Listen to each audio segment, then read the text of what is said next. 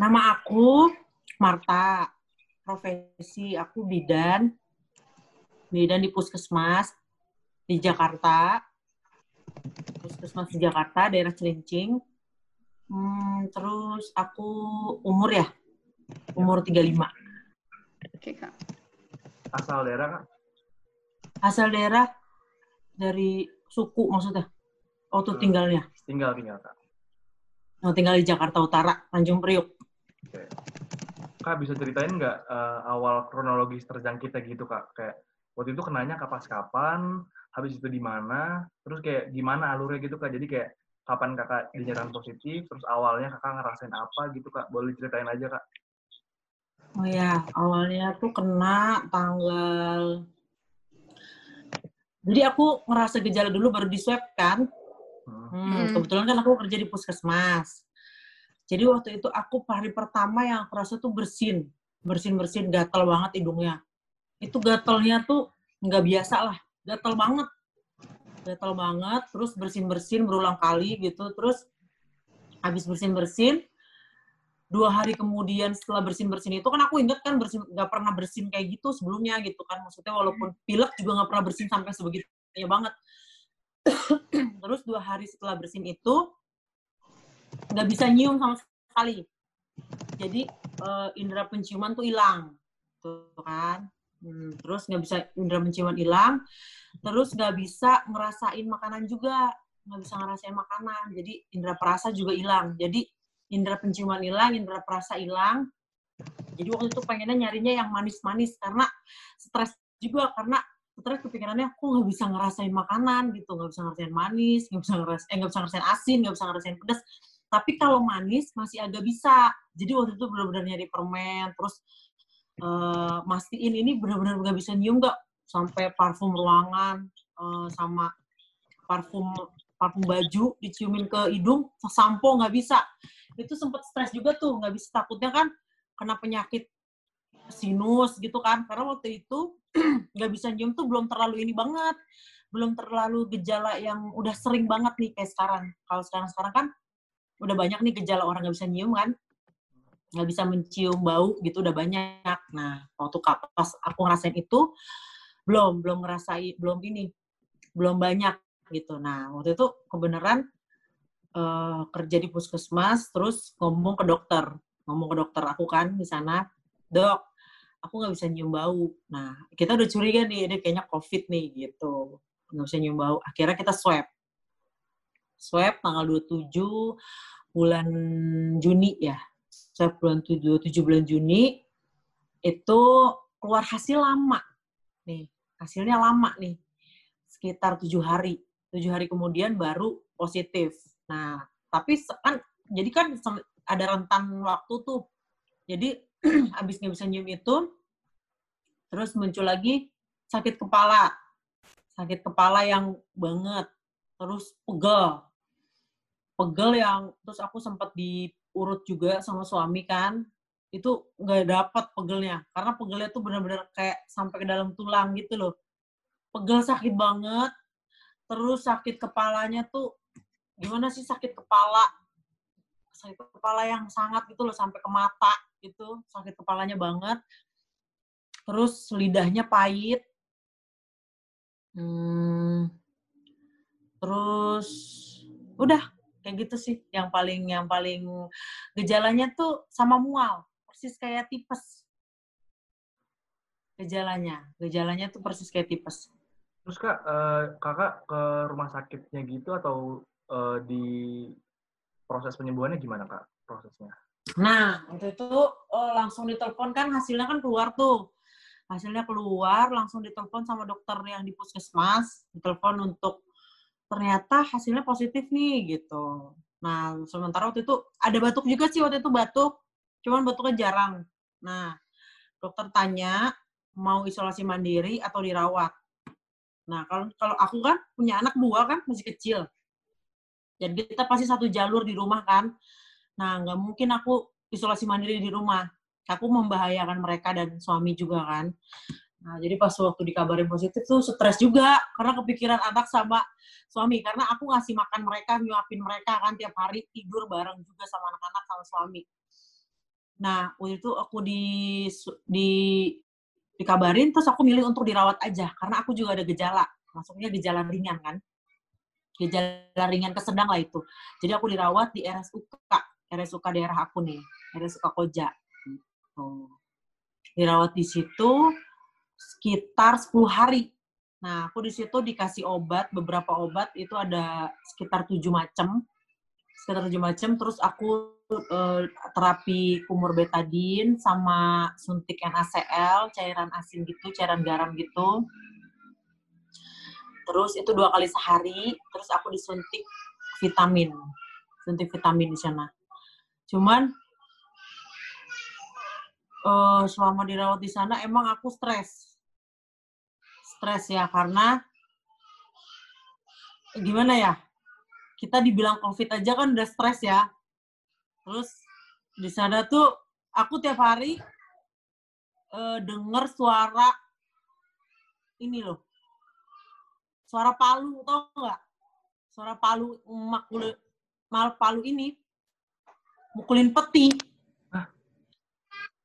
Jadi aku selama di sana tuh bukannya bukan enjoy, aku stres karena aku tiap hari lihat orang mati, ya kan. Jadi aku, jadi kita kan dikunci tuh di sana, jendela dikunci, kamar dikunci, pintu dikunci kan. Jadi kita nggak bisa keluar, ya dong. Kalau covid kan peraturannya mungkin gitu. Tapi ada sedikit, kayak dari jendela itu ada sedikit, dikit untuk bisa ngelihat gitu keluar. Aku sih itu, kita kan penasaran dong yang di dalam. Itu apa sih suara soal apaan? gitu. Terus pas aku keluar lihat itu mereka biasa lah pakai APD gitu kan berempat. Itu itu lagi lagi mak makuin itu peti. Itu stres banget gak bisa tidur berhari-hari. Pengen pulang stres stres banget. Terus itu jadi bener-bener emang kalau mau sembuh bener-bener harus rileks pikiran ya gitu benar-benar harus tenang, harus ada support keluarga. Kak, mau nanya gitu juga sih. kak, kalau di ruangan itu ada berapa hmm. orang sih kak? Per, di berapa orang? Di, kalau di RSUK, di RSUK sini beda-beda sih ya, karena setiap rumah sakit kan beda beda-beda ini, beda-beda uh, ruangan ya. Kalau aku kemarin ada empat, hmm. empat. Aku kemarin seruangan sama anak kecil juga loh, umur tujuh tahun sama mamanya, mama sama anaknya positif. Terus sama nenek-nenek. Jadi waktu itu kita berempat. Gitu. Terus hmm. itu banyak sih ruangannya. Ada juga yang bayi, yang sama mamanya. Banyak juga. Ngeri banget ya. Ngeri banget. Pusing banget deh di situ karena gimana ya? Kita ngelihat peti depan mata kan takut ya jangan-jangan ntar aku mati juga. Bener-bener takut lah di sana. Bener-bener gimana sih? Nggak. Jadi kalau misalkan waktu itu bener-bener butuh support keluarga banget sih sebenarnya kalau covid ini. Kalau kena stres. Oh. Terus kak kayak kalau kayak gitu kakak sembuhnya kan 10 hari. Di swab lagi atau gimana mm -hmm. di swab pulang aku di swab pulang hari ke 10 uh, aku di swab pulang udah negatif. Terus hmm. seminggu lagi di swab lagi negatif gitu. Jadi dua kali negatif gitu. Cuma sekarang peraturan dari WHO kan katanya cuma sekali swab aja negatif boleh pulang gitu. Oh, kak itu jadinya uh, kakak tuh kenapa di swab ulang gitu? Apakah udah nggak menunjukkan gejala-gejala atau gimana? Kenapa di karena ada ini, ada waktu, ada rentan waktu. Jadi uh, setiap per tujuh hari, walaupun negatif atau positif itu diulang lagi hmm. Gitu. Karena kan dia inkubasinya 14 hari tuh. Nah tujuh hari setiap tujuh hari dia di swab ulang gitu. Kak sekarang kan tadi kan udah tentang kronologisnya. Aku sekarang mau tahu dong kak uh, apa aja sih yang dilakukan selama terjangkit itu? Selain tes itu apa aja sih yang dilakuin kak? Selama apa? Selama waktu di RSUK Koja. Nggak ada.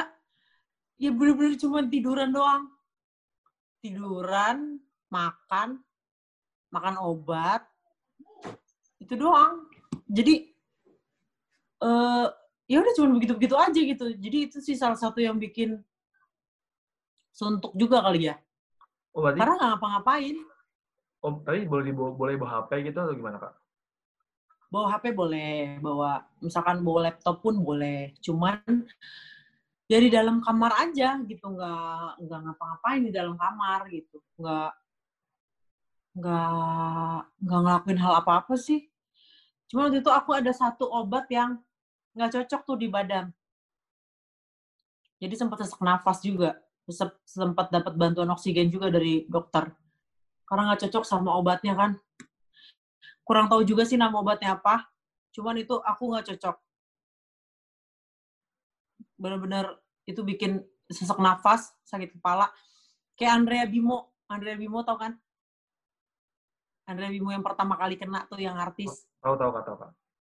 Nah, dia juga ada satu obatnya tuh yang gak cocok bikin dia sampai itu sampai ngedrop banget. Nah, itu kayaknya aku sama jenis obatnya itu nggak cocok. Mungkin di beberapa orang cocok, tapi ada beberapa di, di beberapa orang ada yang nggak cocok juga gitu. Oh, oke oke kak. Terus kak mau nanya kak, respon lingkungan Mm. sekitar waktu kakak kena gimana kak? Kayak dari keluarga gimana, terus dari teman gimana, terus dari tetangga gimana kak? Pasti kan beda-beda gitu kan kak. Mau tahu dari tiap ini sih kak, tiap lingkungan gitu. Kalau keluarga sih responnya pasti sedih ya. Sedih tapi takut juga jadinya sama kita kan. Karena kan orang tua juga kan udah tua tuh. Mereka juga sedikit banyak ngerti kan. Kalau ini nularin ke orang tua ke mereka itu akan bahaya banget gitu. Nah, jadi mereka juga responnya ya kayak gitu, tetap jadinya tambah jaga jarak juga sama aku gitu. Terus bahkan suami pun juga waktu udah negatif nih pulang nih ke rumah kan itu ya masih jaga jarak juga karena takut juga kan hati kecil kan nggak bisa bohong ya pasti takut kakak juga eh aku juga pasti takut juga deketin anak-anak kan jadi ya responnya jadi jadi yang udah ngerti ya yang ngerti ya biasanya sih agak jaga jaraknya lebih lebih lagi nah kalau tetangga ya karena di sini komplek ya jadi nggak gitu banyak kenal tetangga juga. Cuman waktu itu eh, ya kelihatan lah mereka kalau misalkan bisik-bisik, kebetulan kan sebelah rumah kan Indomaret nih, gitu. Terus waktu itu ada anak kecil lewat nih, suami lagi belanja ke Indomaret kan, terus ada anak kecil lewat, terus dia bilang awas awas nih COVID, COVID gitu. Cuman suami ya udahlah diam aja gitu ya udah mungkin eh, ini ya emang kayak gitu kali stigmanya. Cuman emang kan kalau kalau kita kena nih di suatu rumah pasti kan RT tahu, RW, kelurahan tahu. Nah pasti RT-nya itu ngasih tahu juga ke semua tetangga mungkin di di chat chat itu kali grup kompleknya. Itu itu aja sih. Mungkin karena aku di komplek jadi nggak begitu ngerasa dijauhin sama tetangga karena emang nggak begitu interaksi sama tetangga. Terus kalau kak mau nanya, pas pertama kali kakak dibawa ke RSUK, terus anak-anak gimana dong kak jadinya?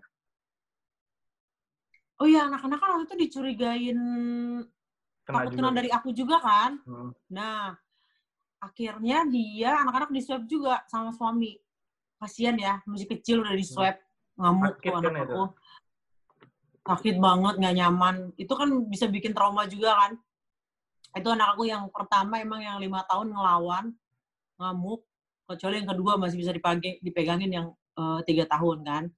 Nah itu di swab pulang sama suami. Eh, puji Tuhan sih mereka nggak nggak ini ya, nggak nggak positif, negatif. Padahal emang kita interaksi sama di rumah tuh bareng terus gitu. Cuman aku tahu diri di rumah karena kan aku nakes.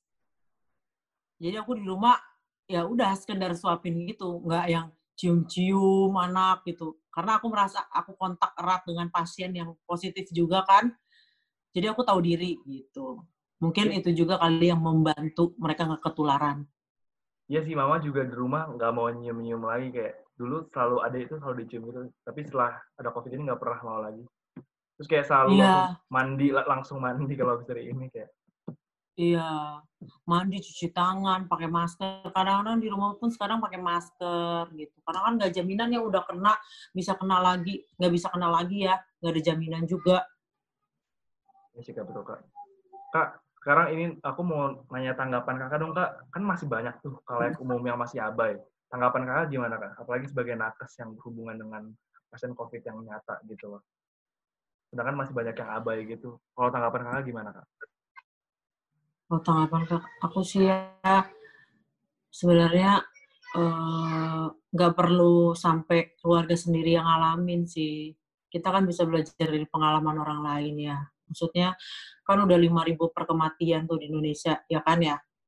Ya itu udah cukup angka yang tinggi lah gitu. Kita bisa lihat, kita bisa uh, lihat beritanya, bisa nonton. Anak-anak sekarang kan pinter ya, handphone kan ada terus gitu. Tolonglah, maksudnya uh, jangan jangan sepele gitu. Sebenarnya kalau uh, anak-anak mudanya aja gitu ya, misalnya kan yang sering wirawiri ini anak muda nih, kayak di kompleks ini aja nih, kafe-kafe ini kan banyak nih di alur laut kan itu penuh banget penuh banget itu nggak ada yang jaga jarak terus ngerokok rame-rame juga kan nggak ada satupun yang pakai masker gitu. Maksudnya kasihanlah sama orang tua di rumah ya kan? Atau sama uh, siapa pun yang di rumah itu sama sama diri mereka sendiri gitu. Terus uh, kakak kan aku kan nakes nih. Sementara kita nakes juga udah banyak ya yang terpapar ini nih gitu loh. Kalau misalkan kita semua, maksudnya nakesnya kebanyakan yang kena gitu kan, ini gimana gitu loh maksudnya bisa kurang tenaga juga kan gitu. Nah dan ini tuh nggak akan berhenti berhenti gitu. Ini tuh bisa berhenti cuma pakai kesadarannya sendiri gitu loh, kesadaran sendiri. Jadi kalau menurut aku ya emang bener-bener emang harus yang muda yang bergerak untuk apa? Untuk mulai dulu nih dari anak-anak muda gitu untuk pakai masker, jaga jarak gitu. Kalau menurut aku ya, karena orang tua sih kesadarannya sebenarnya udah tinggi nih. Cuman mungkin kayaknya anak-anak muda nih yang kurang kurang apa ya, mungkin merasa nggak bakalan kena kali ya, apa gimana gitu ya. Cuman waktu itu ada di waktu di RSUK emang ada umurnya 21 tahun cowok. Dia masuk ya bareng aku. Dia meninggal loh meninggalnya kenapa kak? Apa dia emang nggak udah? Aku tanya, mm, aku tanya kan, kenapa dia meninggal? Terus kata kata perawatnya nggak tahu ya, karena dia masuknya juga emang udah perburukan sih, udah perburukan. Cuman dia di, di cuman yang aku tangkap dari beberapa perawatnya tuh dia kayak stres, stres banget, psikisnya.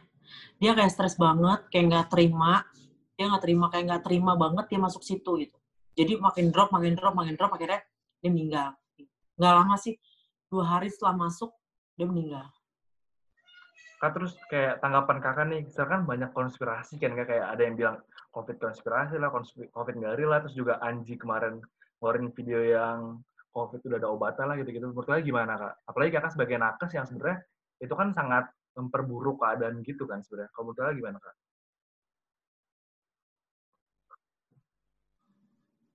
Ya, iya sih emang itu emang memperburuk banget, emang sempat kesel juga sih sama statementnya dia ya. Cuman ya gitu, kita kan uh, tanggapan teman aku sih gini ya. Ya gitu tadi, nggak maksudnya jangan sampai ini kejadian sama keluarga kita sendiri gitu. Maksudnya uh, kita belajar dari orang lain aja gitu. Apa sih susahnya belajar dari orang lain gitu? belajar dari yang udah ngalamin gitu. Maksud sih iya gitu, konspirasi sampai sebegininya amat. Atau dari negara orang deh. Kan banyak tuh di TikTok, ya kan? Yang dari negara-negara mana aja juga banyak gitu yang yang kasih tahu pengalaman mereka kena COVID gimana, terus datanya juga gimana gitu kan. Jadi uh, sebenarnya ya itu lah. Uh, jangan sampai ini terjadi sama keluarga sendiri karena kita lalai, karena kita nggak mau peduli, karena kita tuh uh, ya udah ngegampangin aja gitu. Sebenarnya mungkin aja kan Tuhan uh, kasih tunjuk dulu nih, nih kayak gini nih. Nah, belum tentu lo ngalamin lo kuat gitu. Atau belum tentu orang lain ngalamin kayak aku nih. Aku mungkin bisa ngelewatin COVID ini kan. Nah, belum tentu orang lain yang kena itu bisa, imunnya juga bisa untuk imunnya, psikisnya, semuanya bisa untuk ngalahin COVID-nya gitu. Belum tentu karena setiap orang, setiap uh, pribadi itu beda beda ini ya, beda beda keadaan dirinya gitu loh. Kita bisa nggak uh, mengatasi ini gitu. Nggak semua orang sama gitu. Gitu sih. Kita mesti lihat diri kita lihat orang lain lihat sekitar kita gitu. Kira-kira kalau ini nimpa aku aku bisa nggak gitu? Hmm, untuk Maisara ada yang mau nggak Mai? Sebenarnya kita udah mau selesai sih kak, tapi mungkin Maisara mau yeah. lagi. Mai. Mungkin cukup sih, tadi ada pertanyaan juga, cuman udah kejawab dari kakaknya, cerita kakaknya. Ah, iya. Kak, untuk yang terakhir kak, eh, ini dong kak pesan buat kalayak umum gitu terkait COVID ini. Pesan kakak sebagai nakes dan sebagai orang yang pernah kena gitu. Pesan Iya, aku sebagai orang yang udah pernah kena COVID adalah ya itu tadi kita tempatkan diri kita gitu kita Eh kak, bentar kak. Oh udah kak. Oh coba ulang kan tadi soalnya mati gitu. ya ya pesan aku sebagai orang yang udah pernah COVID adalah kita harus menempatkan diri kita mungkin eh, sebagai orang yang udah pernah ngalamin ya maksudnya kalau orang lain udah ngalamin ya kalau bisa kita jangan gitu karena nggak semua orang punya punya body punya kesehatan punya eh, imun yang baik ya untuk untuk untuk bisa ngadepin covid ini gitu. Terutama orang-orang di sekitar kita orang tua kita adik atau anak gitu. Jadi kalau kita bisa menghindari kalau kita bisa mencegah kenapa enggak gitu loh. Kenapa mesti kita nantangin gitu loh. Kalau bisa kita tetaplah jaga diri jaga jarak ya jaga pakai pakai masker cuci tangan segala macam itu tetap dilakukan kan nggak susah kan? Nggak susah dan nggak sulit lah gitu maksudnya. Jadi kita harus tetap eh, ayo loh kita tuh kerjasama gitu loh. Kita bantu nakes kita kita juga sayangi keluarga kita kita juga tahu diri kita gitu. Jadi eh, pasti mungkin pandemi ini cepat cepat selesai deh. Itu aja. Oke kak, gue terinspirasi banget sih dengar cerita kakak biar makin jaga jarak dan makin menerapkan protokol. Banyak baru tahu juga Hmm. pengalaman kakak. iya.